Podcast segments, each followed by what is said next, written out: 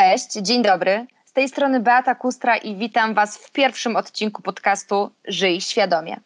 Mieszkamy w miastach zaprojektowanych na naszą miarę, zatopionych w zieleni, przyjaznych komunikacyjnie, sprzyjających wypoczynkowi.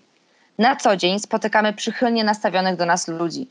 Pracujemy w miejscach, w których praca jest doceniana, a pracodawca się o nas troszczy. Wspólnie dbamy o środowisko. Kupujemy tylko tyle, ile potrzebujemy. Nie wyrzucamy, wymieniamy się rzeczami lub wykorzystujemy je ponownie. To nie utopia, lecz możliwości, którymi dzielą się z nami naukowcy z Uniwersytetu Łódzkiego.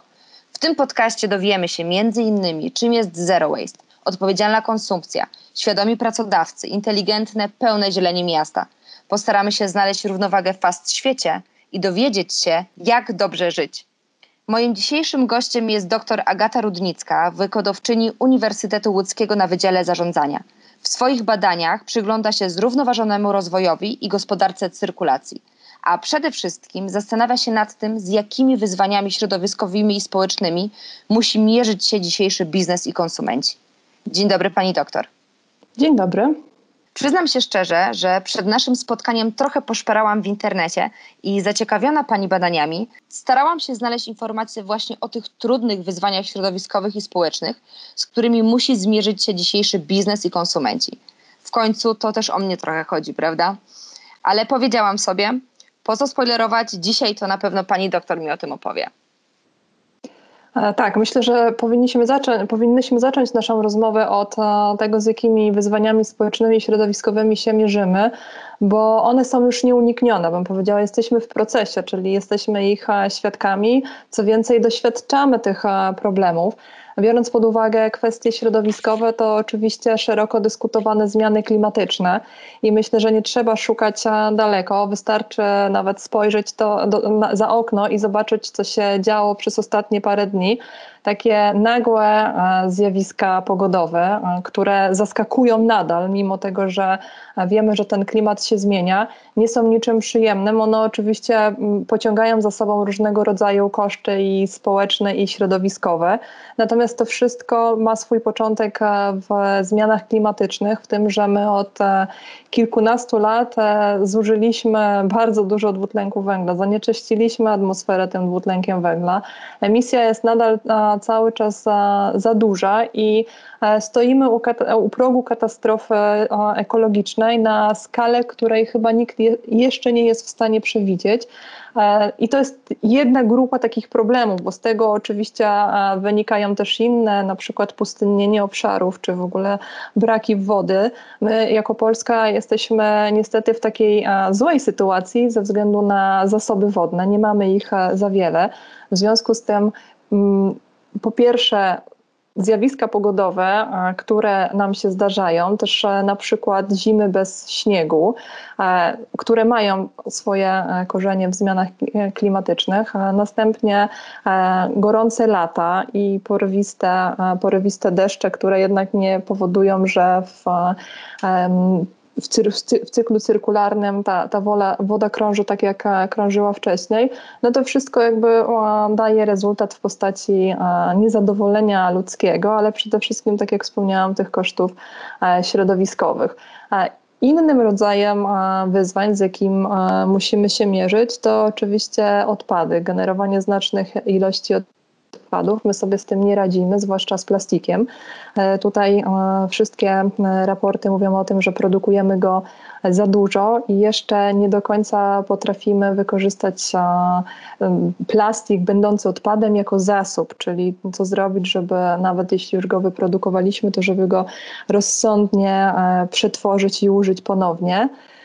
I też takim problemem, myślę, że może jeszcze bym powiedziała, niedocenianym, w sensie jeszcze nie ma tak wielu um, informacji, albo tak, nie jest tak głośno jak o zmianach klimatycznych, to też jest kwestia wymierania gatunków.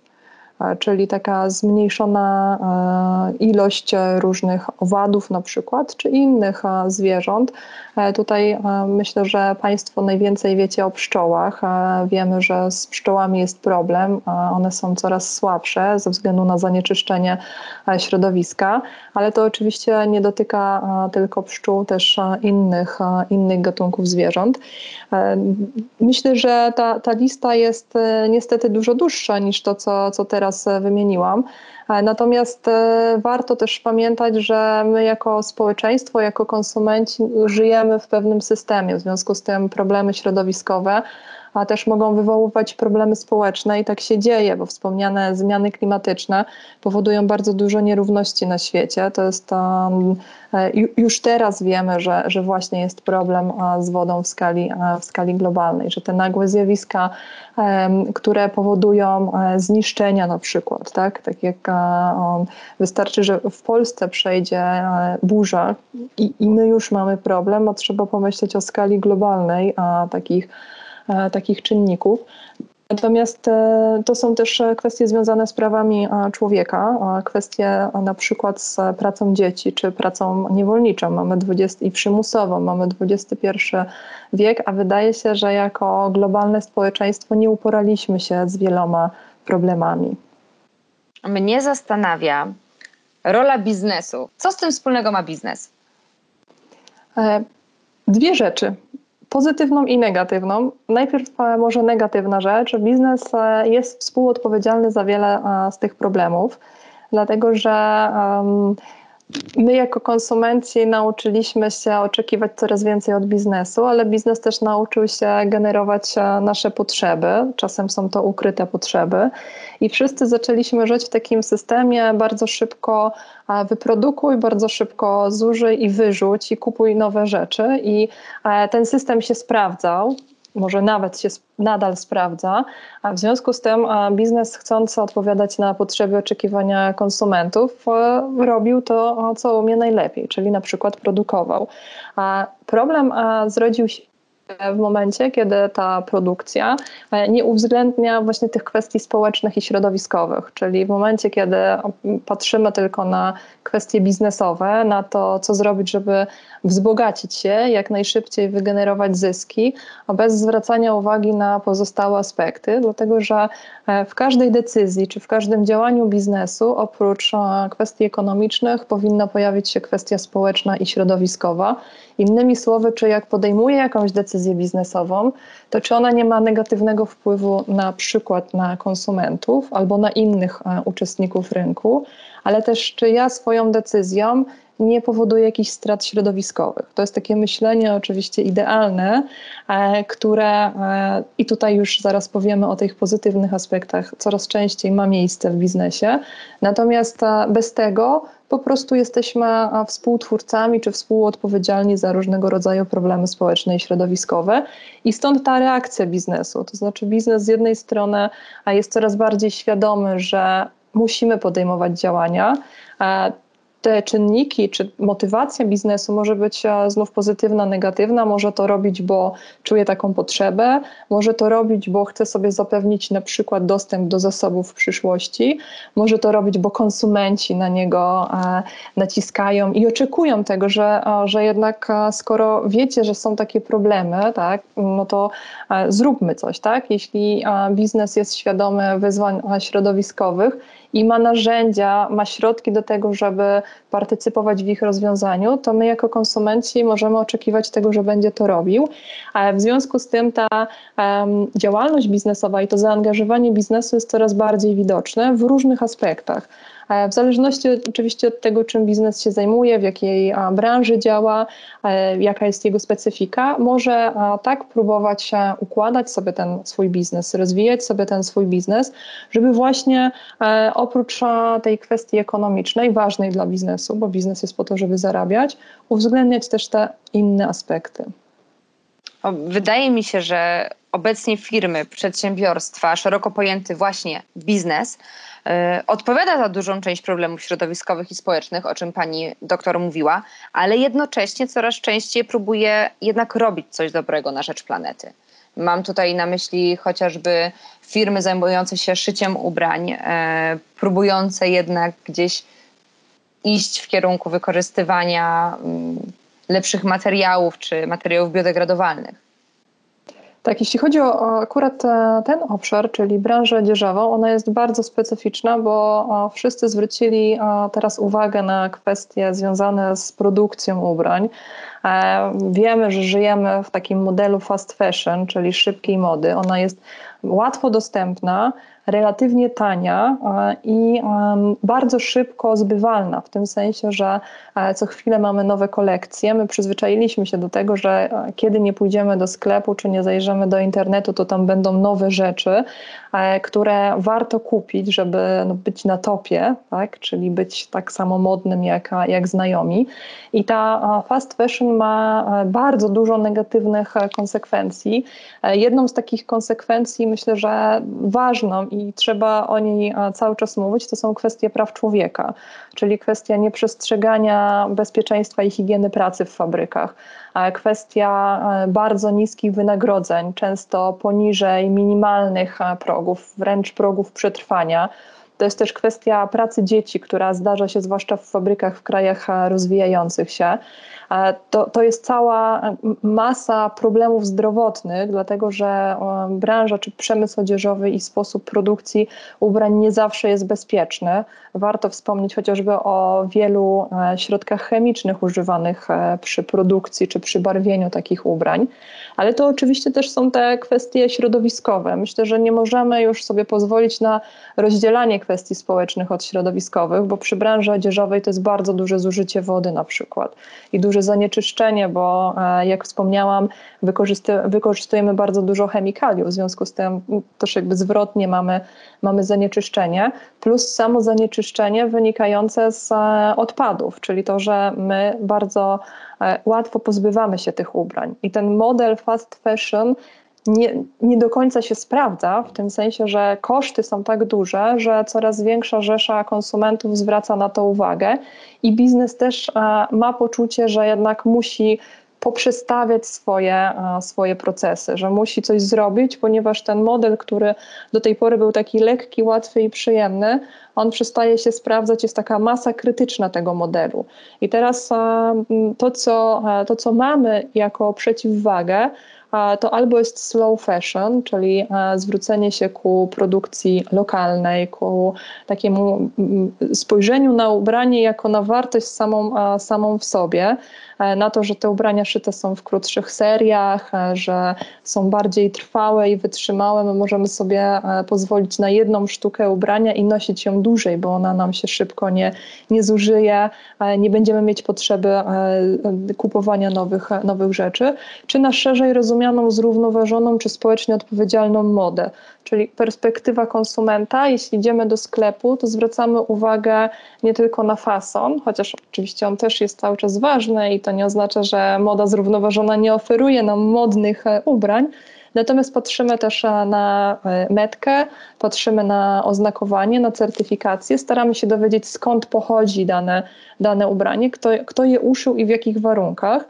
I tutaj coraz więcej firm jest otwartych na to, żeby nas informować o takich rzeczach. Czyli im bardziej firma mm, poważnie traktuje swoich konsumentów, będąc świadoma tych wyzwań, tym więcej informacji na temat danej rzeczy się dowiemy, co bardzo cieszy.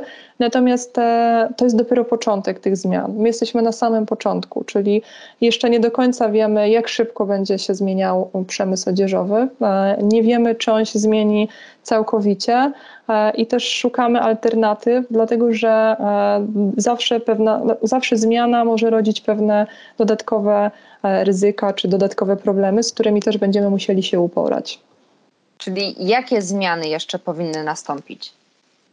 No myślę, że takie przede wszystkim na, na poziomie konsumentów to większa rozważność w tym, co kupują i, i w czym chodzą.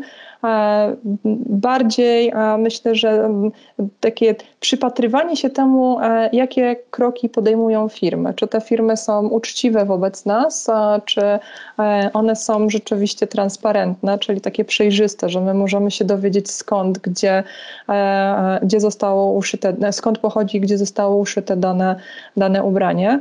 Ze strony firm też większe poczucie takiej współodpowiedzialności, tak, że jeśli my produkujemy i chcemy dalej e, być zyskownym. To nie jest to nic złego. Cały czas o tym, o, o, tym mówię i to podkreślam. Natomiast zróbmy to w taki sposób, który będzie etyczny etyczny dla konsumentów, ale też etyczny dla pracowników.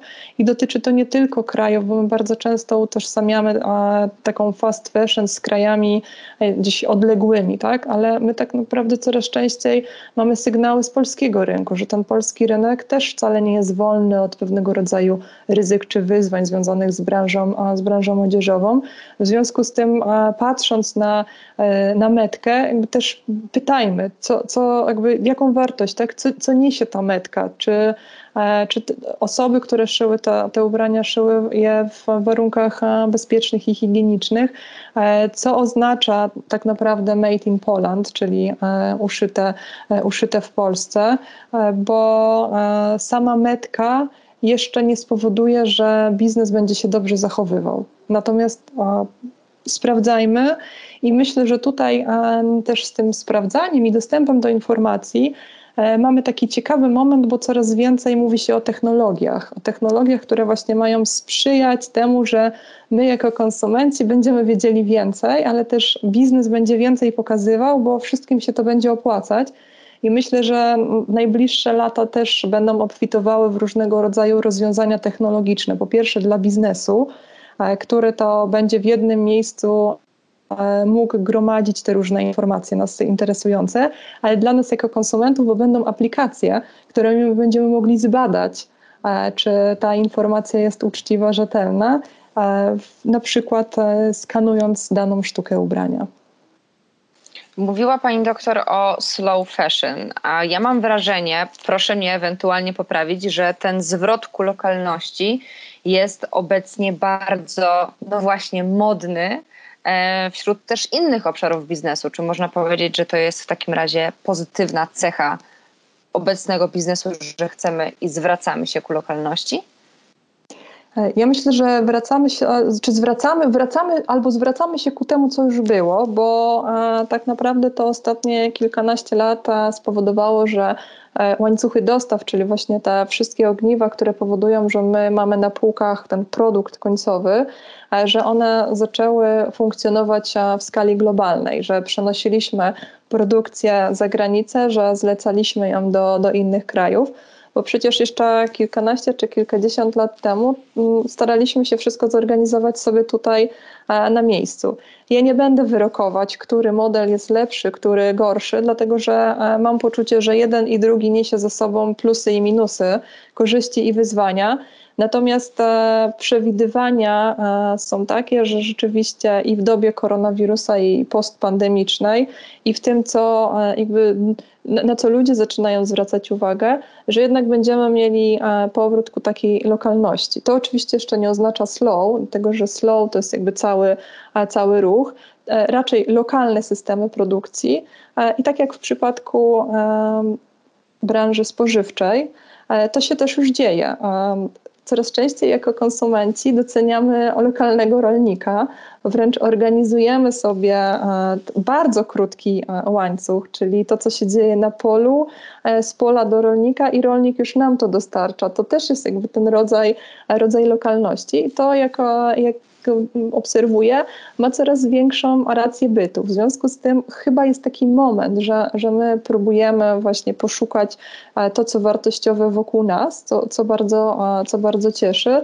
Natomiast tak jak wspomniałam, nie wyklucza to zupełnie tego dotychczasowego modelu, modelu funkcjonowania i myślę, że idealna opcja to jest umiejętne godzenie różnych podejść czy, czy różnych strategii w przypadku biznesu, a my jako konsumenci też pewnie będziemy umieli wybrać optymalny dla nas zestaw zagadnień czy działań. bo zwracamy uwagę na tą lokalność i ja przyznam się szczerze, że też jestem zwolennikiem skrócenia tego łańcucha, o czym pani doktor mówiła. Mm, lubię kupować rzeczy od rolnika, wiedzieć skąd one pochodzą i też jestem taka trochę wścibska i zawsze pytam e, o, o, produkt, który, o produkt spożywczy, który, który chcę kupić. Ale mam też wrażenie, że ostatnio bardzo modne stało się niewyrzucanie rzeczy, przerabianie ich, e, poddawanie ich recyklingowi. E, tak, i myślę, że tutaj e, mamy dwa takie trendy, albo dwie rzeczy się na to nakładają. Z jednej strony coraz częściej słyszymy o gospodarce obiegu zamkniętego, i to, że konsumenci też mogą w tej gospodarce obiegu zamkniętego funkcjonować. A druga rzecz to jest e, kwestia takiego podejścia zero waste, chociaż myślę, że lepszą nazwą byłoby tutaj less waste, czyli takie mniej, mniej odpadów, mniej zanieczyszczeń. W przypadku gospodarki obiegu zamkniętego jest to nowe spojrzenie na to, co, co dzieje się i po stronie biznesu i po stronie konsumentów.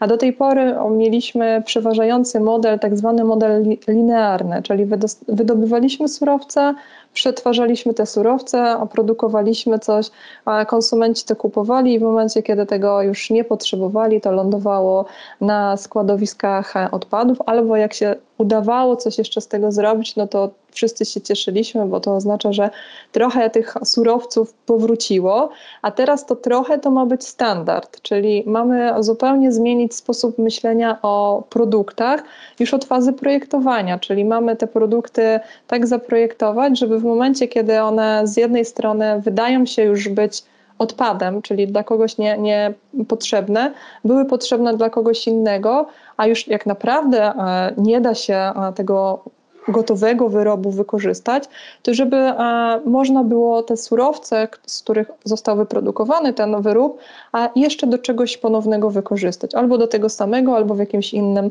e, innym procesie. I to też zapoczątkowało takie, e, takie myślenie właśnie o, o wyrobach w, w kontekście bardziej trwałego na przykład, czy dłuższego ich wykorzystywania.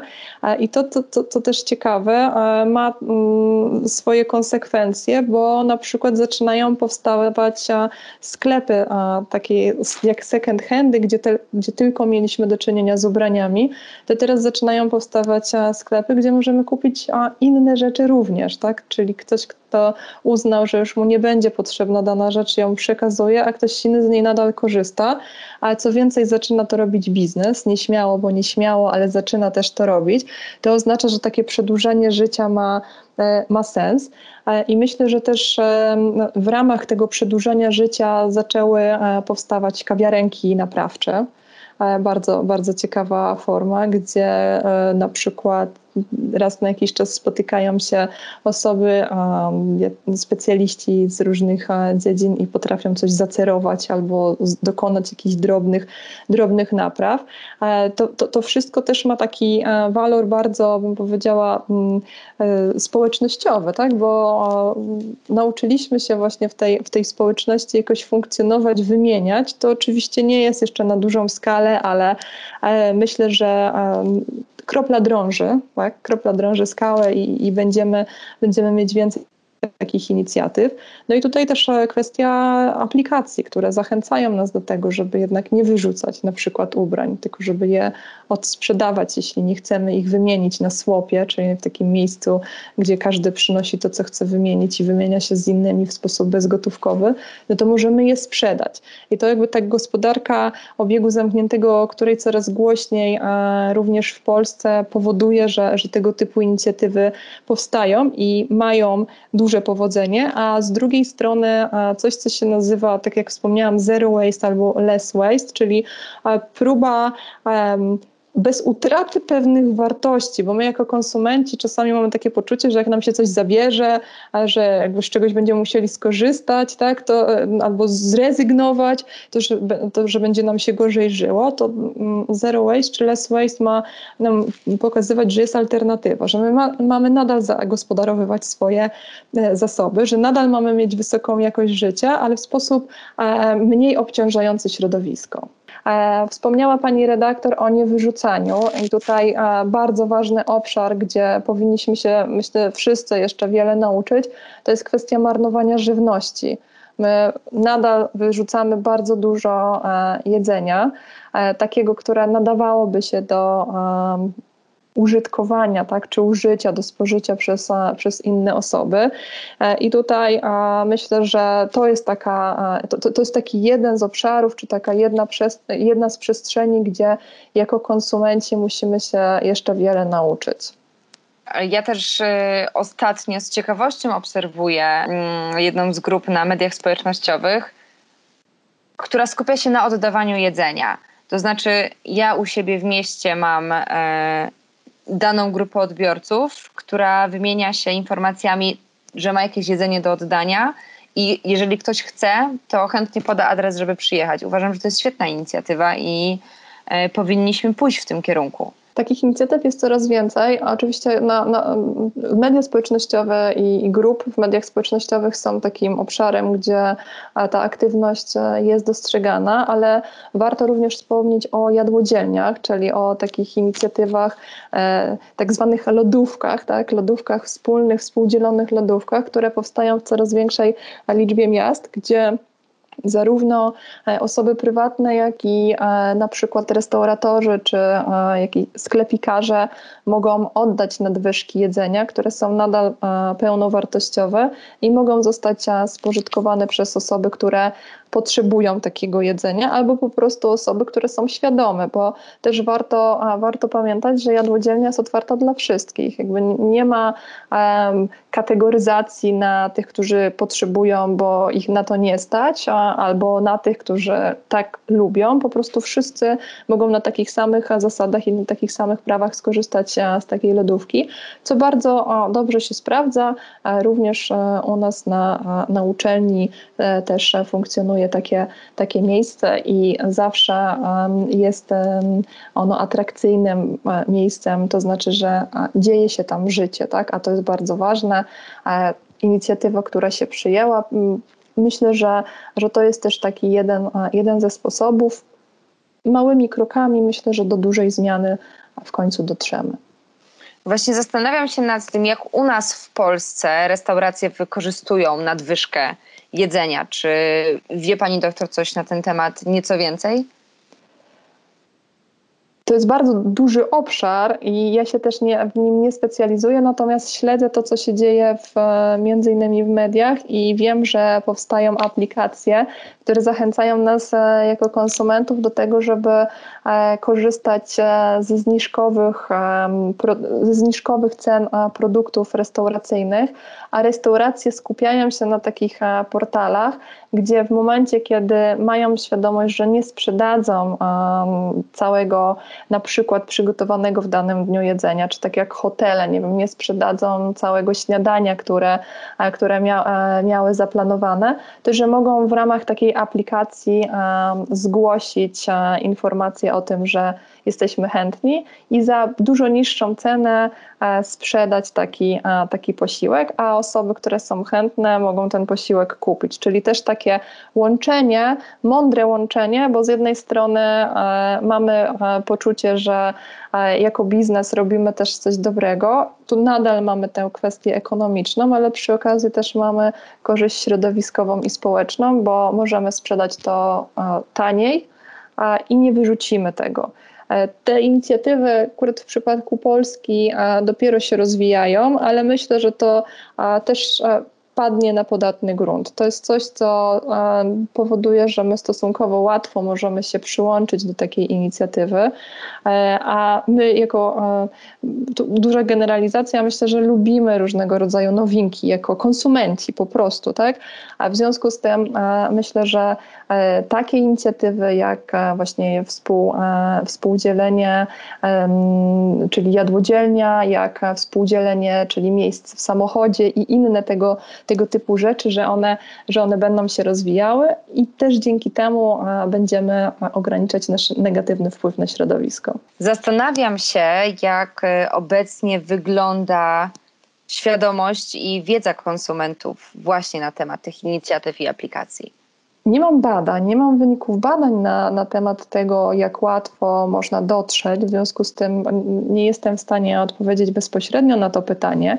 Natomiast deklaracje konsumentów, bo jakby tutaj działamy w obszarze deklaracji, e, są takie, że zwracają coraz większą uwagę na kwestie społeczne i środowiskowe w firmach, których, u których zakupy rozważają. W związku z tym, jeśli e, mają taką propozycję, czy kupiłbyś, czy, czy kupiłabyś produkt, jeśli wiesz, że on będzie bardziej ekologiczny, czyli będzie spełniał standardy środowiskowe, to w deklaracjach e, są takie informacje. Czyli my deklarujemy. E, w pytaniach, czy e, co, co jest dla Ciebie ważne, też pojawiają się kwestie środowiskowe, czyli nie tylko cenowe, ale również kwestie właśnie te, które w ramach zrównoważonego rozwoju są podejmowane, wskazywane są przez, przez konsumentów ale jeszcze jakby między tą e, deklaracją a mm, gotowością i później zagłosowaniem własnymi środkami, no jest jeszcze kilka, kilka elementów, kilka etapów. W związku z tym e, na pewno jako społeczeństwo jesteśmy bardziej świadomi, na pewno jako konsumenci zaczęliśmy zwracać uwagę na, na różnego rodzaju um, możliwości, ale też e, szanse, jakie daje biznes, ten, który jest bardziej zrównoważony czy bardziej społecznie, społecznie odpowiedzialny.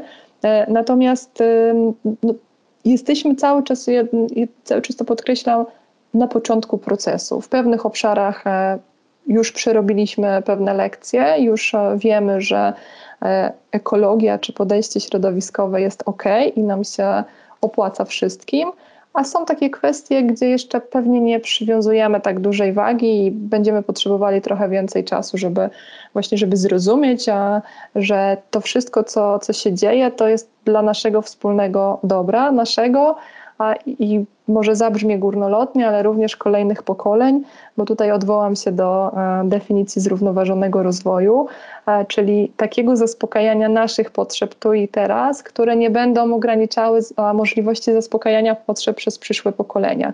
Innymi słowy, my musimy robić e, rozsądnie pewne rzeczy, podejmować rozsądne decyzje, po to, żeby nasze dzieci na przykład mogły chodzić do lasu, albo żeby mogły zobaczyć łąkę, albo żeby mogły oddychać świeżym powietrzem, co jak wiemy wymaga natychmiastowych działań, bo już nie mamy po prostu czasu. Czyli aby to wszystko miało miejsce i aby nasze przyszłe pokolenia na tym korzystały, to musimy to wszystko, o czym pani doktor mówi, robić świadomie, myśleć świadomie, a nie na zasadzie myślenia o zero waste, y, czy też o slow fashion, y, o slow life na zasadzie mody, prawda? Bo mam też takie wrażenie, że niestety do niedawna bycie zero waste oznaczało bycie modnym.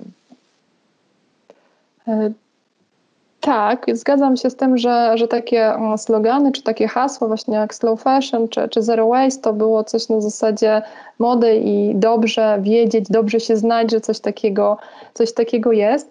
Natomiast myślę, że my nie musimy nazywać to w żaden specjalny sposób. Nie musimy mówić, że jesteśmy less waste, czy że, jest, no, że e, szukamy rzeczy, które wyprodukowane są w e, trybie slow, tak, żeby tak naprawdę być bardziej świadomym środowiskowo i podejmować bardziej świadome, świadome decyzje, bo tak naprawdę w, naszy, w naszych codziennych działaniach, w naszych codziennych aktywnościach jest szereg rzeczy, które z perspektywy konsumenta e, możemy zrobić począwszy od rezygnacji z jednorazowych e, torebek, o których już bardzo dużo wiemy i myślę, że też się nauczyliśmy chodzić z własną, e, z własną torbą na, na zakupy, poprzez właśnie patrzenie na biznes e, z perspektywy tego, czy rzeczywiście wyrób czy produkt, który chcę kupić, on jest dla mnie bezpieczny, on jest bezpieczny dla, dla środowiska.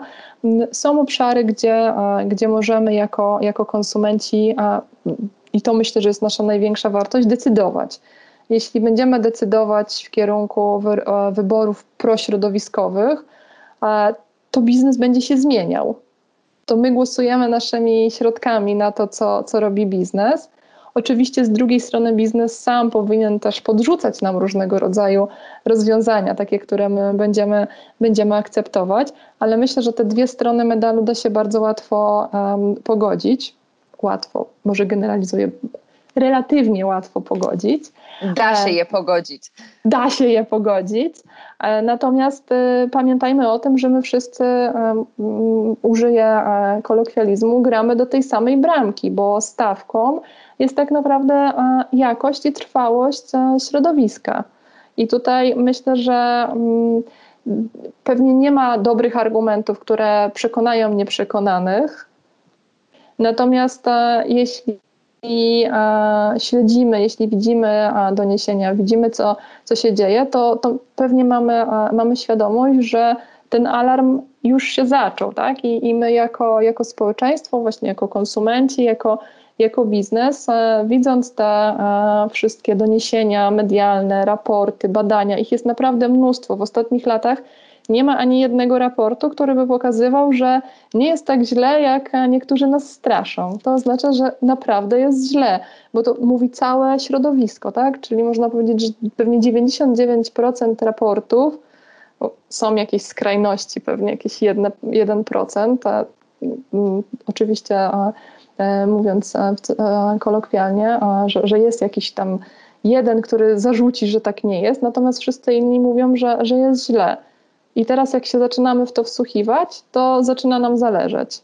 I warto właśnie, żebyśmy drobnymi krokami, to nie muszą być ogromne zmiany, to mogą być drobne kroki, bo drobne kroki i utrwalone przyzwyczajenia spowodują, że to masa, bo nas jest ogromna masa, tak? To jest mm, parę, parę miliardów osób e, na Ziemi. To jest e, wiele przedsiębiorstw, że jak ta masa biznesowo-społeczna zacznie wdrażać rozwiązania, to jeszcze mamy szansę. I mam takie poczucie, że e, to nie jest ani kwestia straszenia, ani kwestia jakiegoś takiego przekonywania na, na siłę, że jednak no, będziemy doświadczać tych różnych negatywnych zjawisk. Nie wiem, jeśli doświadczenie negatywne nas przekona, to ok, natomiast ja bym wolała tego nie doświadczać i zacząć już trochę wcześniej, e, bo chciałabym, żeby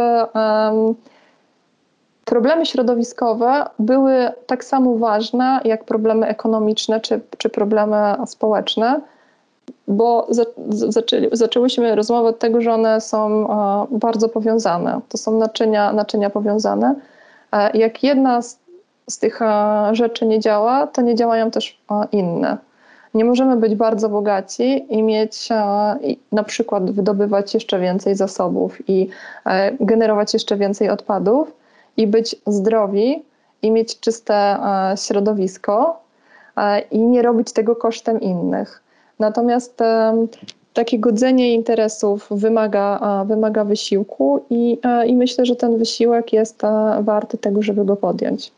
Wysiłku i świadomości konsumenta, mam wrażenie. E, tak, I, kwestii... i konsumenta i, e, osób powiązanych z biznesem, tak? Ale to też jest lekcja do odrobienia dla e, innych stron, bo media na przykład mają też w tym, w tym swoją rolę, żeby uświadamiać i edukować. To są kwestie edukacji już od naj, najmłodszych lat, żebyśmy my byli świadomi tych różnych rzeczy i żebyśmy te wybory, które dokonujemy, dokonywali bardziej bardziej świadomie. To oczywiście jest kwestia też na, na, na poziomie administracji, tego jakie jest prawo, jakie są możliwości, zarówno takiej na poziomie lokalnym, krajowym, ale też międzynarodowym, tak? bo myślę, że są takie obszary, w których musimy wszyscy mówić jednym głosem i to właśnie jest jeden z takich jedna z takich kwestii, czyli kwestie związane z, ze środowiskiem, ochroną środowiska, kwestie edukacji, świadomości i zachęcania do tego, żebyśmy wszyscy na indywidualnym poziomie przykładali się do tego, żeby to środowisko e, nie było e, tak zanieczyszczane i żebyśmy e, mogli zatrzymać te negatywne zjawiska, z którymi mamy do czynienia. Mm, jeszcze na chwileczkę powrócę do tego, co mówiła pani doktor wcześniej, czyli że biznes daje nam pewne rozwiązania, ale czy obecni konsumenci angażują się w działania na rzecz środowiska? Tak, myślę, że, że się angażują. Pewnie też nie wszyscy, bo my jako konsumenci jesteśmy bardzo zróżnicowani Natomiast, tak jak wspomniałam, jest grupa konsumentów i ona rośnie coraz bardziej świadomych czyli tych, którzy będą wymagać od, od biznesu. E, jest też e, taka grupa, która jeśli będzie widziała, że rozwiązania oferowane przez biznes są też dobre dla nich, to będzie też e, z nich korzystała. No i oczywiście będzie taka grupa nie do końca może przekonanych, natomiast to też już jakby cała odpowiedzialność albo wyzwanie po stronie, po stronie biznesu, żeby, e, żeby jednak tych konsumentów e, też przekonywać do siebie. E, I to może się zadziać tylko wtedy, kiedy biznes będzie to robił w sposób szczery i uczciwy. Czyli jeśli nie będzie za, za, mm, za tym, co robi, jakichś sloganów marketingowych, reklamowych, jeśli to nie będzie tylko na chwilę, jeśli to nie będzie tylko, żeby pokazać, że my jesteśmy e, tacy świadomi, a tak naprawdę nie jesteśmy, bo konsumenci bardzo szybko to weryfikują. Trzeba pamiętać, że my żyjemy w globalnej wiosce, bardzo łatwo dotrzeć do różnych informacji. W związku z tym e, biznesowi już się nie opłaca zaczynać e, mówić o kwestiach społecznych czy środowiskowych, nie mając gotowego scenariusza na rzeczywiste działania. Bo jeśli będą to działania typu listek figowy, to on bardzo szybko opadnie, a konsumenci się zniechęcą i wtedy um, przekonanie ich na nowo, zbudowanie wizerunku czy reputacji będzie naprawdę bardzo trudną sprawą. Jak wnioskuję z tego, o czym mówi pani doktor, bardzo ważna jest ta zależność i zaufanie pomiędzy konsumentem a pomiędzy biznesem. Jeżeli takiej więzi nie będzie, to wtedy to wszystko, o czym mówimy, czyli o zrównoważonej i odpowiedzialnej konsumpcji, e, tego nie będzie, tak?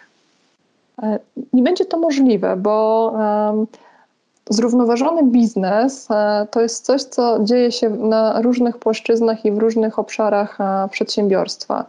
Jeśli z jednej strony będziemy pokazywali, że jesteśmy bardziej świadomi i staramy się ograniczać negatywne wpływy na środowisko, ale w tym samym czasie będzie płynął do nas sygnał, że mamy bardzo dużo problemów z prawami człowieka, tym biznesie, to ciężko będzie mówić o tej zrównoważoności. Zrównoważoność ma miejsce wtedy, kiedy my umiemy zadbać o wszystkie e, trzy sfery, czy trzy obszary, czyli właśnie społeczny, e, ekonomiczny i środowiskowy. O ekonomicznym mówię tutaj naj, najmniej, bo biznes najlepiej sobie w nim radzi, tak? bo po to, po to zostały e, założone przedsiębiorstwa, żeby ten biznes sobie radził i jeśli trwają na rynku, to znaczy, że, że umieją to robić. Natomiast właśnie ta, ta kwestia społeczna i środowiskowa bardzo często jest w, nie, w nierównowadze. Bo taki obrazek, wyobraźmy sobie, że e, zaczyna brakować podstawowego surowca, jakiegokolwiek, X, Y, Z. Możecie sobie Państwo podłożyć tutaj cokolwiek pod ten surowiec.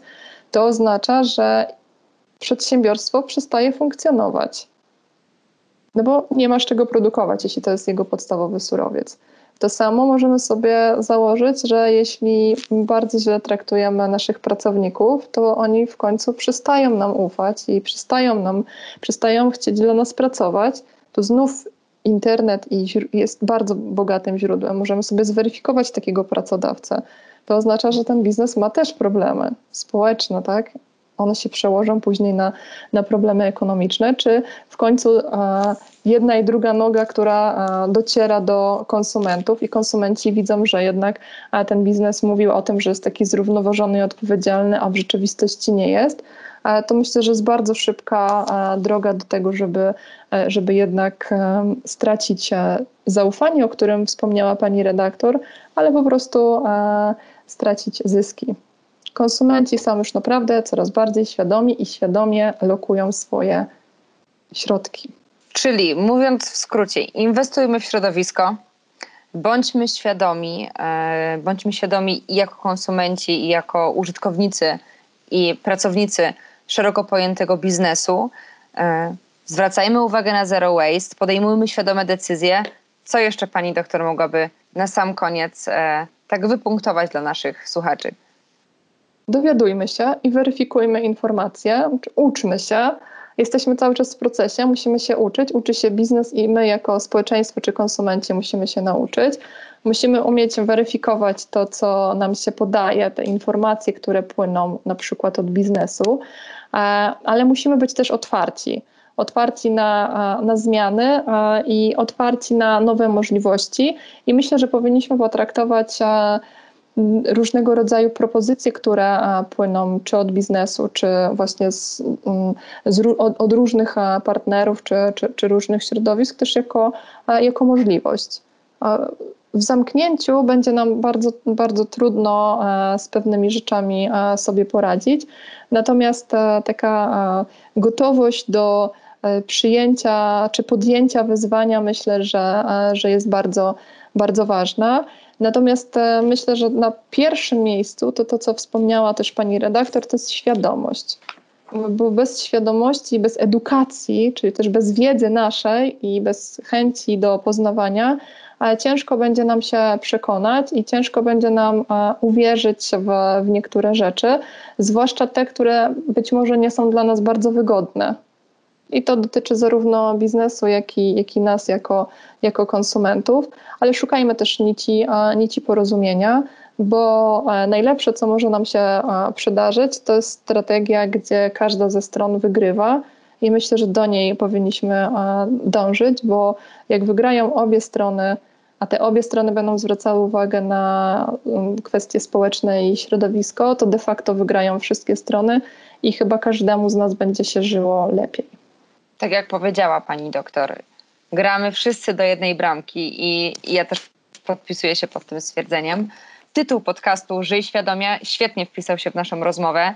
Pani doktor, bardzo dziękuję. Jeszcze raz powtórzę, że moim dzisiejszym gościem była pani doktor Agata Rudnicka, wykładowczyni Uniwersytetu Łódzkiego na Wydziale Zarządzania. Pani doktor, bardzo dziękuję za rozmowę.